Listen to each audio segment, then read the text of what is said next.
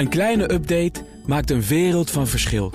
Daarom biedt IKEA voor Business Netwerk gratis snelle interieurtips en ideeën. Word gratis lid en laat je werkplek voor je werken. IKEA, een wereld aan ideeën. BNR Nieuwsradio. BNR Zaken doen. Thomas van Zeil. Facebook is een almachtige monopolie geworden en er zijn nauwelijks nog alternatieven voor consumenten en die privacy-schandalen dat werkt ook niet bepaald mee. Dat zegt Chris Hughes, een van de medeoprichters en oud-huisgenoot van Mark Zuckerberg. Hij pleit voor opsplitsing van Facebook. Dat er meer komt zo meteen ter sprake in het ondernemerspanel. Bestaande uit Juri van Altera, eigenaar van Duurzaam Bedrijfsleven. Eduard Schaapman, de CEO en oprichter van Tribes. En mijn zakenpartner van vandaag, Denise van Haras, oprichter van NL Zakenvrouwen en Smartup Network. En communicatieadviseur van TBI SSC ICT. Jawel, welkom allen. We beginnen met jullie eigen nieuws. Jij mag aftrappen, Eduard. Ja, Thomas, uh, eigen nieuws. Uh, wat zal ik daarvan zeggen? Inderdaad, het werd net al gezegd, de Giro begint. Dus ik heb vanmorgen weer zwaar geoefend uh, om ook het bij te kunnen houden. Ik heb een heuveltje genomen. En jij zegt Tom Dumoulin wint niet, maar toch, hij gaat winnen. Dat, dat heb, wordt heb ik net of-er gezegd. Hè? Ik wil ja, niet dat dit soort voorspellingen natuurlijk met een bredere publiek werden gedeeld. Maar we hadden beloofd het moeilijk te doen ja, vandaag. Ja, oké. Okay. Want hij wint omdat jij hoopt dat er een Nederlander wint... of dat je ook echt denkt... Hij heeft zich in de underdog-positie zelf gemanoeuvreerd. Wat hij heel knap heeft gedaan van dat gaat mij niet lukken. Dus hij gaat winnen. Ja. Bedoel, de nieuwe hype komt eraan. Voetbal hebben we gehad. We gaan nu weer wielrennen. De echte sport. Absoluut mee eens. Toch nog heel eventjes, want uh, de meeste mensen zullen dat niet weten. Maar jij bent zelf ook een fanatieke fietser. Hele fanatieke fietser. Uh, wat, wat doe jij op de... de je hoort van die mensen zeggen... ja, ik zit dan op de fiets en ondertussen gaat de hele werkweek voorbij. Of mijn hoofd is helemaal leeg. Hoe klopt, klopt, klopt. Uh, precies hetzelfde heb ik dat. Daarom fiets ongeveer 150 kilometer in de week. Ik ga gewoon lekker op die fiets zitten. En op een gegeven moment... Vroeger gingen we allemaal naar de kerk. Daar werd je ook rustig van. dat doen we tegenwoordig niet meer. Dus ik zit op de fiets en ik word opeens rustig. Wat je weet, ja, uit vorige uitzending ook. Ik ben nogal een druk persoon. Dus af en toe moet ik wat rustiger worden. En dat lukt aardig op die fiets. Maar je bent vandaag niet op de fiets hier naartoe, hè? Nee, ik ben op een... Op, het is iets nieuws voor mij. Ik moet alle vormen van transport uh, leren Scooby. kennen. Hè? Nee, op, op een, een scooter, een elektrische scooter. Van, ik weet niet welk bedrijf is hier ook iets geweest. Maar het is, was een hele ervaring op zich. Alles in het kader van duurzaamheid. Samen met mijn uh, partner aan de rechterzijde dacht ik, daar moet ik aan denken. Laat ik eens duurzaam hier naartoe komen. In plaats van de auto. Goed, Juri, want over jou gaat het dan. Jij bent die rechterbuurman en jij hebt ook eigen nieuws. Eigen ja? nieuws echt over jezelf. Je moet er maar durven. Ja, ik doe dat natuurlijk niet, Thomas. Dat weet jij ook. Ik ben daar niet zo van. Maar nou, ik, wou het eigenlijk, ik dacht, als je het nou hebt over nieuws... is het nieuws van, uh, van hè, wat er aankomt en, en nieuws wat er was... Uh, om half vier is natuurlijk de IPO van uh, Uber. Ik ben mega uh, benieuwd wat daaruit gaat komen. Er is natuurlijk enorme reuring met de concurrent die, die enorm door het ijs zakt. Lift, en, ja, die koers is een beetje bijgesteld. En kijk even, als we het dan over duurzaam hebben, naar Beyond Meat. Hè, een vleesvervangingsproducent die een mega succesvolle IPO heeft. Dus dat vind ik prachtig.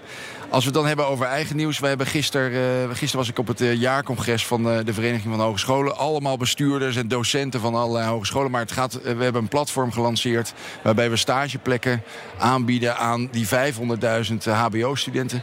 Om te zorgen dat die hbo-studenten in een vroeg stadium van hun carrière... een switch maken naar een duurzame carrière. Dat willen ze en, toch al vaak? Je, je, wilt toch niet meer werken bij een grote corporate... die geen positieve bijdrage levert aan de wereld? Nou, ik denk dat het percentage groter wordt van de, uh, uh, van de studenten van nu... Die, die maatschappelijke impact willen maken. Maar we willen dat nog wat extra stimuleren. En dat proberen we met de hogescholen samen te doen. En met het bedrijfsleven om te zorgen dat, uh, dat, dat die enorme vraag... naar goed geschoold personeel... die die transitie ja. naar duurzame economie kan maken... om dat, om dat kracht bij te zetten. Mooi. En daar heb ik onwijs veel zin in. Klinkt heel goed. Ja. Het, het enige belangrijke wat je nog vergeten bent te melden... is de naam van de platform. Oh ja, Thomas. Ja, kom op, anders dat, dat is fantastische gentleman. Dat is SDGS Oh, je hebt wel echt een lekkere naam. SDGs, de Sustainable Development Oh, zo doen. Oké, dan begrijp ik. SDGs on stage.nl, Thomas. Oh, ja. Denise, wat is jouw nieuws? Ja, ik begon natuurlijk de dag uh, vandaag hier uh, met het feliciteren... althans, succeswensen van, van de eindexamenkandidaten. Nou ja, je hebt een heel mooi platform heb je nu neergezet. En dan wil ik toch weer doorgaan naar rolmodellen. want die zijn natuurlijk ontzettend belangrijk als het gaat om ja, je carrière invullen. En waar, welk pad ga je, welk pad ga je dus belopen. Ehm, een belangrijk platform is de Inspiring 50. Dat zijn 50 vrouwen in de tech die als rolmodel uh, zijn uitgekozen uh, voor uh, de rest van de wereld. In ieder geval Europese vrouwen. En waarom is dat nou zo belangrijk dat deze vrouwen als rolmodel genoemd worden? Nou ja, hè, we weten allemaal tech, digitalis digitalisering. Dat is natuurlijk een heel hoop, belangrijk deel van onze toekomst. En, maar tot nu toe een mannenwereld. Man, maar tot nu toe overweegt de mannenwereld. En dat hoeft natuurlijk niet zo te, zo te blijven. Ik ga echt voor diversiteit in het bedrijfsleven. Wat gebeurt er nou met deze, met deze 50 boegbeelden? Ja, Krijgen die een taak ook om ervoor te zorgen dat er nog meer vrouwen zich aangetrokken voelen? Ja, ik denk in, in, de basis dat iedereen een taak heeft om een rolmodel te zijn.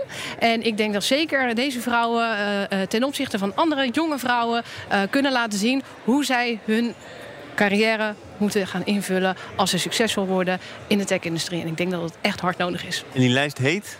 Inspiring 50. Alright, goed. Nou, dan gaan we even Goeie door naam. op het... Uh, op het techfront. Want uh, ik zei het net al, een van de oprichters van Facebook pleit voor opsplitsing van het bedrijf. Moet er wel bij zeggen, hij is al sinds 2007 weg. Wat, wat, wat is dit, Eduard? Is het een een mes in de rug van Zuckerberg? Nee, hij heeft zelf nog een klein belangetje. En wat ga je doen als een bedrijf groot wordt en een van je bedrijven wordt wat minder? Hè, Facebook krijgt wat minder volgers. Dan is het slimste als ondernemers om de boel te gaan afsplitsen. Volgens mij gaat het, gaat het cijfermatig nog best goed met Facebook. Toch? Ja, jawel, maar een aantal volgers lopen naar beneden. Je ziet natuurlijk wel de groei van de andere platforms. Dus het is een hele slimme, ja, gewoon sterfhuisconstructie. Oh, ik, dacht, ik dacht dat hij tot een, tot een nieuw inzicht was gekomen. Dat hij zijn leven wil beteren of nog een laatste advies wil geven. Maar een goede zakken vullen. Ja. Nou, ik denk, denk aan de andere kant wel dat hij. Ik kan me wel voorstellen uh, dat hij nu die wat, uh, wat, af, wat weg is bij, uh, bij Facebook, dat hij zich meer zorgen maakt over de ontwikkelingen natuurlijk die er gaande zijn. Dus jij denkt dat het oprecht is? Nou, ik, denk, ik kan me voorstellen dat hij daar zorgen over maakt. Ja. En, en, en ik denk ook dat het goed is om dat oprecht, eh, als oprecht punt te zien. Want je ziet natuurlijk dat er wel van alles en nog wat misgaat.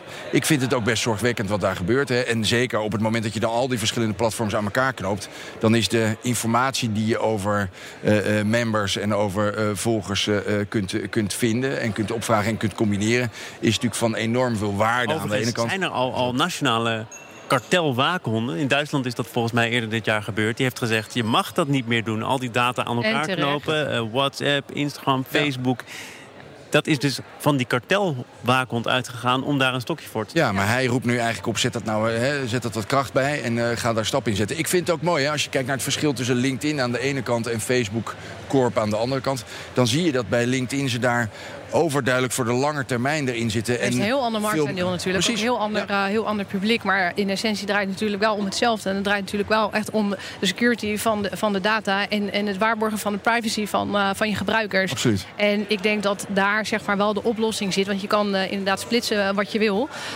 Um, dan kan dat nog steeds uiteindelijk overeind staan dat, uh, dat de security en de, en, en de, privacy dus niet in orde is. Ja. Dus de vraag is of dat de oplossing is. Ik denk dat ze terug moeten gaan naar de basis en uh, dat op orde moeten brengen. En dat ze daardoor weer geloofwaardig kunnen worden. En dat dan misschien, misschien, uh, misschien weer het aantal volgers op Facebook toeneemt. Maar tot die tijd zal dat niet nee, gebeuren. ik ben het met je eens. En, nou, en, en, wat het ook is, volgens mij, is wat je bij Facebook ziet, is daar proberen ze de grenzen op te rekken. Hè. Ze proberen te kijken langs welke rafelranden kan ik gaan lopen om zoveel mogelijk te weten over mijn Heel, dus vinden privacy ontzettend belangrijk. Ja, ja, je kan het zeggen, maar er gaat enorm veel, uh, veel mis natuurlijk. Ja, uh, nee, dat ook, weten maar. Dat, dat, dat, dat hebben we nou, ja, Uiteindelijk zijn we er allemaal wel zelf bij. Hè. Je kunt zeggen van uh, Facebook dit, over dit. Kan, iedereen moet alles regelen. krijgen we weer zoveel regelgeving. Uiteindelijk bepaal je zelf of je op Facebook wil zitten. Of je wil kijken op Facebook, op Instagram, op Snapchat, noem maar op. Dus uiteindelijk vind ik, we gaan altijd terug naar overheid, kartel.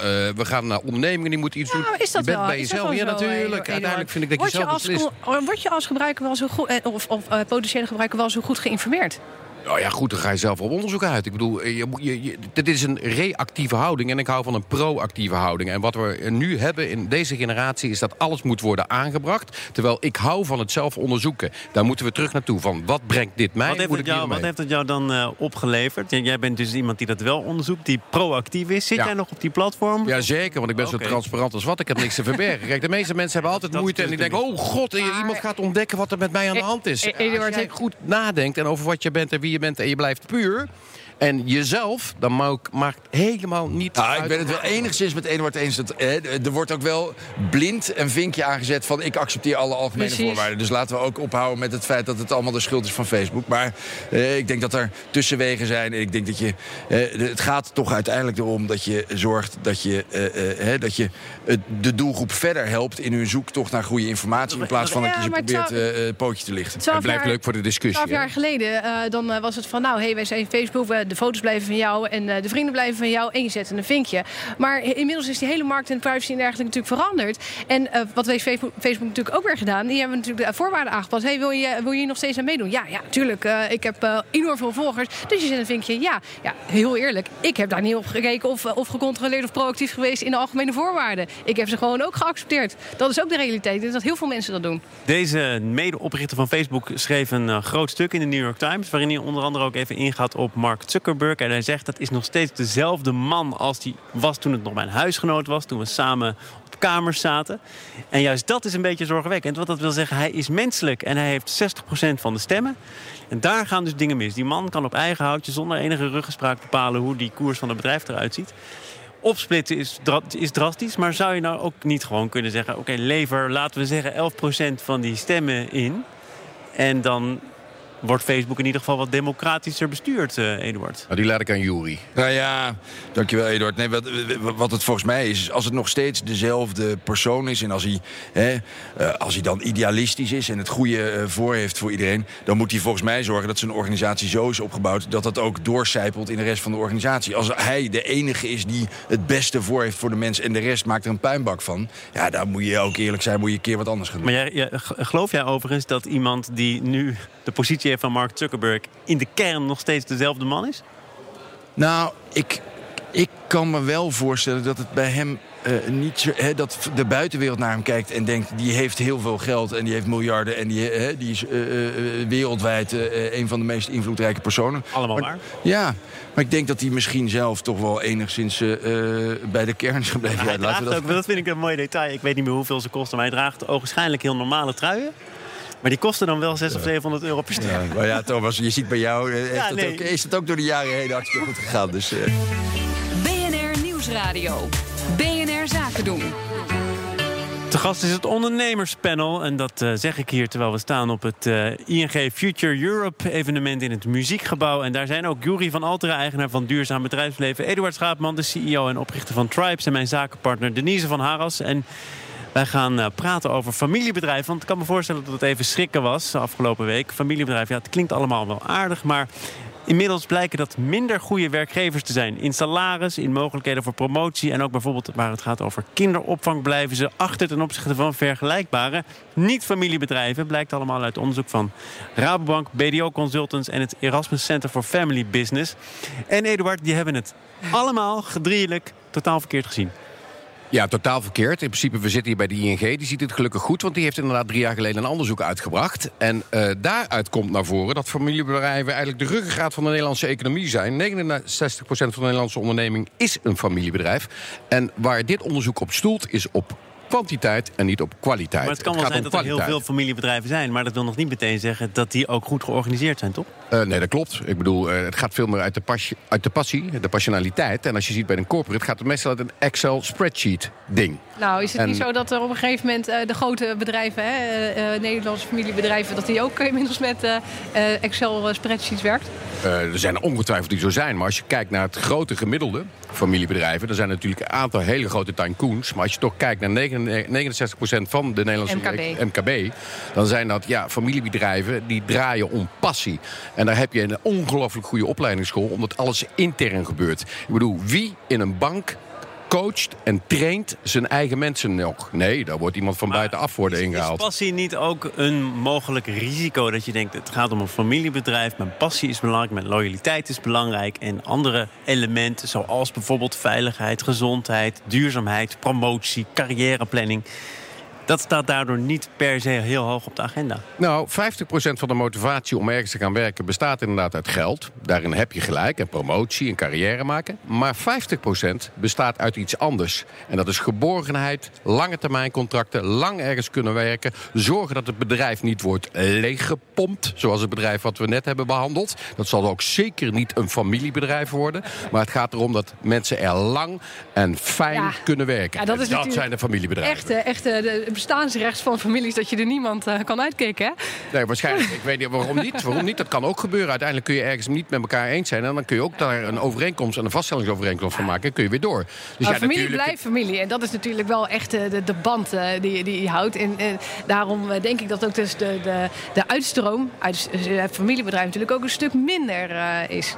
Maar je moet natuurlijk wel zien dat familiebedrijven niet alleen bestaan uit familieleden. Hè. Je hebt in principe eh, een belang nodig van 25% om überhaupt een familiebedrijf te zijn. Hè. Dat is een van de voorwaarden om familiebedrijf te zijn. Je, je zegt het overigens met een zekere betrokkenheid, omdat je ook betrokken Ja, bent waanzinnig. bij familie en familiebedrijven hebt. Ja, nou ja, het leukste familiebedrijf wat ik heb is natuurlijk het schaapmannetje. Dat is je nevenmerk. Dat is heel klein. Daar zijn we met mijn neef en ik. Dus dat is al een heel groot belang. Maar ja, goed, een ander bedrijf als uh, jullie Bressus wel eens Metaal. promotie met elkaar of niet? Ja, waanzinnig. Oké. Heel veel. Bressus Metaal is ook zo'n bedrijf. Een heel oud staalbedrijf. Hadden jullie de vorige eh, spreker waar eh, hadden jullie het over staal. Maar dit is een zesde generatie die daar aan de bak is. Ja, en die mensen leven daar allemaal met passie. Komen er elke ochtend naartoe. En het ziekteverzuim is daar in ieder geval veel lager dan ik gewend was bij de banken waar ik werkte. Juri, je neemt even een slok water, hebt water gehaald om Ja. je even schrap te zetten, om je te mengen in deze discussie. Ja, goed. Wat is nou wat jou betreft die positie van die familiebedrijven? Eh, en zou het kunnen zijn dat de elementen waar eh, dit onderzoek over gaat, dat dat bij die familiebedrijven wat onderbelicht blijft? Oh, ik, wat ik, ik denk dat de, de familiebedrijven zorgen heel goed voor hun medewerkers. Dat is één ding wat bovenaan staat. Het tweede wat denk ik heel belangrijk is... is dat familiebedrijven gaan van generatie op genera- generatie met die bedrijven om. Dus dan zie je dat het automatisch ook goed verankerd eh, eh, zit in dat duurzaamheid. Maar wat ik wel, eh, wat ik ook wel merk en wat ik ook wel zelf herken... toen ik bij een grote corporate werkte... Toen eh, eh, waren die salarissen een stuk hoger dan, eh, dan bij het bedrijf wat ik nu zelf start. En ik merk ook aan mezelf dat ik dat soort salarissen ook eigenlijk te hoog vind. Hè? Dus ik begrijp wel dat als je een familiebedrijf runt, dat je zegt, ja, moet dat nou zoveel? We kunnen toch ook leuk, hè? we kunnen toch ook in die kwaliteit van arbeidsvoorwaarden gaan Nou zitten. goed, Dus als je het hebt over de kwaliteit van de arbeidsvoorwaarden, dan wordt hier in dat onderzoek genoemd bijvoorbeeld gewoon carrièreplanning of training, coaching, kinderopvang. Ja, ja. Nou, en, maar dat is, hè, da- ik denk dat dat wel eh, een kenmerk is van familiebedrijven. Dat ze wat pragmatischer erin zitten.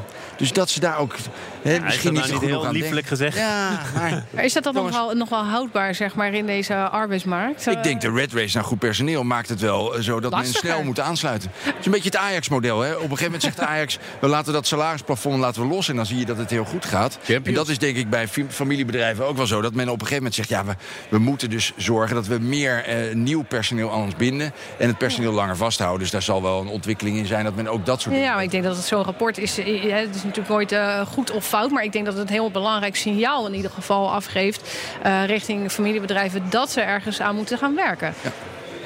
Van familiebedrijven naar de andere kant van het spectrum. Ook het laatste onderwerp in dit panel. Namelijk dat de hoge prijzen eh, ondernemers ertoe verleiden om hun bedrijf te verkopen. Onder andere aan private equity partijen blijkt uit een analyse van EY in opdracht van het FD. Is er iemand hier aan deze tafel die daar ook direct mee te maken heeft gehad? Die benaderd wordt? Dat klopt. Aan de lopende band word je daarover over benaderd als je iets succesvols hebt. Omdat inderdaad eh, het geld bulkt tegen de kade op. Dus eh, Ja. private equity zoekt mogelijkheden om dingen op te kopen. Eh, en eh, ja, het rare is dat het ook daarin steeds meer gaat om kwantiteit, kwantiteit, kwantiteit. En niet om kwaliteit. Dus hoe harder je groeit, hoe beter het is. En ja, uiteindelijk geldt voor mij ook nog steeds. Het is leuk die groei, maar die moet je ook nog winstgevend doen. Ja. En daarbij komt ook nog. Ja, je kunt wel iets verkopen, maar wat ga je dan doen? Nou, Ja. er zijn mensen, blijkt uit die analyse, die inderdaad niet van plan waren om iets te verkopen, maar die krijgen aanbiedingen waar ze van hadden gedacht dat dat is niet mogelijk. En kennelijk, je zegt het net zelf ook, het geld kan niet op. Komt er toch een moment dat ook ondernemers die denken, ik zit eigenlijk wel goed waar ik zit en ik was het niet van plan, ik doe het toch. Dat kan ik me voorstellen dat mensen dat doen. Maar dan ga je weer naar die kwantiteit en niet naar die kwaliteit van leven. Het gaat dan weer om veel, veel, veel. Net zoals bij die corporates, hoge salarissen. Net zoals bij die grote voetbalclubs, hoge salarissen. Overnames voor hoog en veel geld. Maar nogmaals, dat is volgens mij maar 50% van die motivatie. Uiteindelijk gaat het er ook om dat je iets wil blijven doen.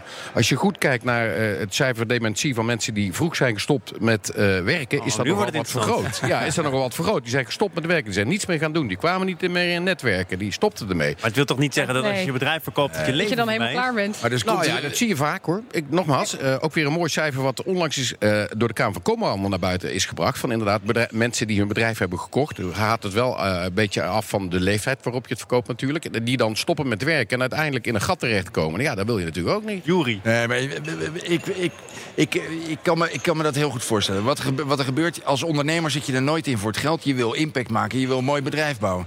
Als er dan een paar, me- een paar kopers... geld wel. Ah, je wil wel geld. In ieder geval 50 procent, Ja, vertelde je daarom. net. Je wilt, toch, je wilt toch gewoon impact maken. En dat geld dat komt dan vanzelf als je, als je bestaansrecht hebt gecreëerd. Maar wat er dan vervolgens gebeurt, is dan komen er natuurlijk kopers... en die melden zich en die willen een bedrag neerleggen. Dan komt er natuurlijk een grens waarop je zegt... oh, wacht, Iedereen ik zit nu zo lang in dit bedrijf... ik ben nu zo lang in deze hoek aan het ondernemen.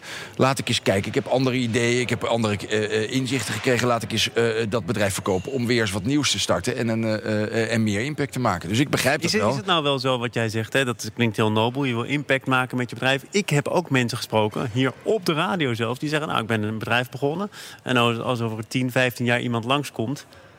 heel graag. Wij, wij richten Ja, ons bedrijf ook op om uiteindelijk te worden overgenomen. Ja, maar je spreekt toch zoveel ondernemers, jongens... die, eh, eh, die helemaal geen zin hebben om, eh, om aan een exit-strategie te denken... En, heel, eh, en, en iets willen opbouwen. Maar, de, maar het punt is dat als je met investeerders eh, eh, te maken hebt... dan gaat het natuurlijk altijd... dan is die exit-strategie altijd er één die je, eh, eh, die je op je lijstje moet hebben. Ja. Ja, ja, ik ik denk dat er ook een hele nieuwe generatie jonge ondernemers eh, een bedrijf bouwen die heel schaalbaar zijn. En met de gedachte van, nou ja, goed, dit blijf ik, ik niet rest van mijn leven doen. Want eh, dat is zeker de, de nieuwe generatie eh, zeker niet. eh, eh, eh, hoe- Ja, dat zei ik ook toen ik 25 was. Ja, Dat blijf nou ik ja. zeker langer van mijn leven niet doen. Nou ja, En toen inmiddels heeft ik meerdere steeds bedrijven, leuk- Ja, maar dus, toen vond ik het steeds leuker worden. En uiteindelijk dacht ik van, ik wil gewoon lekker hobby. Ah, hobby. Ja, nou, er zijn ook hobby. natuurlijk heel veel ondernemers die starten een onderneming. Die denken van, nou, ik ga het schaalbaar maken. En daarna, als iemand langskomt, dan ga ik het Ja, dat verkopen. kan ook, ja. Ah, en laten we niet vergeten hè, dat, het heel, dat het heel gezond is voor het bedrijf... dat degene die het bedrijf heeft opgericht... er op een gegeven moment ook eens een keer uitgaat. Hey, we zijn weer terug bij Mark Zuckerberg. Dank Inderdaad. voor jullie komst. Zeg ik tegen het eh, ondernemerspanel. Eh, dat bestond uit Jury van Altera, eigenaar van Duurzaam Bedrijfsleven. Eduard Schaapman, CEO en oprichter van Tribes onder andere. En speciale dank voor de debutant van vandaag als mijn zakenpartner, Denise van Haras. Dankjewel. Het was heel leuk om mee te doen. Ja, oké. nou, kom dan zeker nog een keer terug. Dit was het voor vandaag. Het inrichten van je eigen zaak is best wel wat werk. Daarom biedt IKEA voor Business Netwerk 50% korting op interieuradvies. Word gratis lid en laat je werkplek voor je werken. IKEA, een wereld aan ideeën.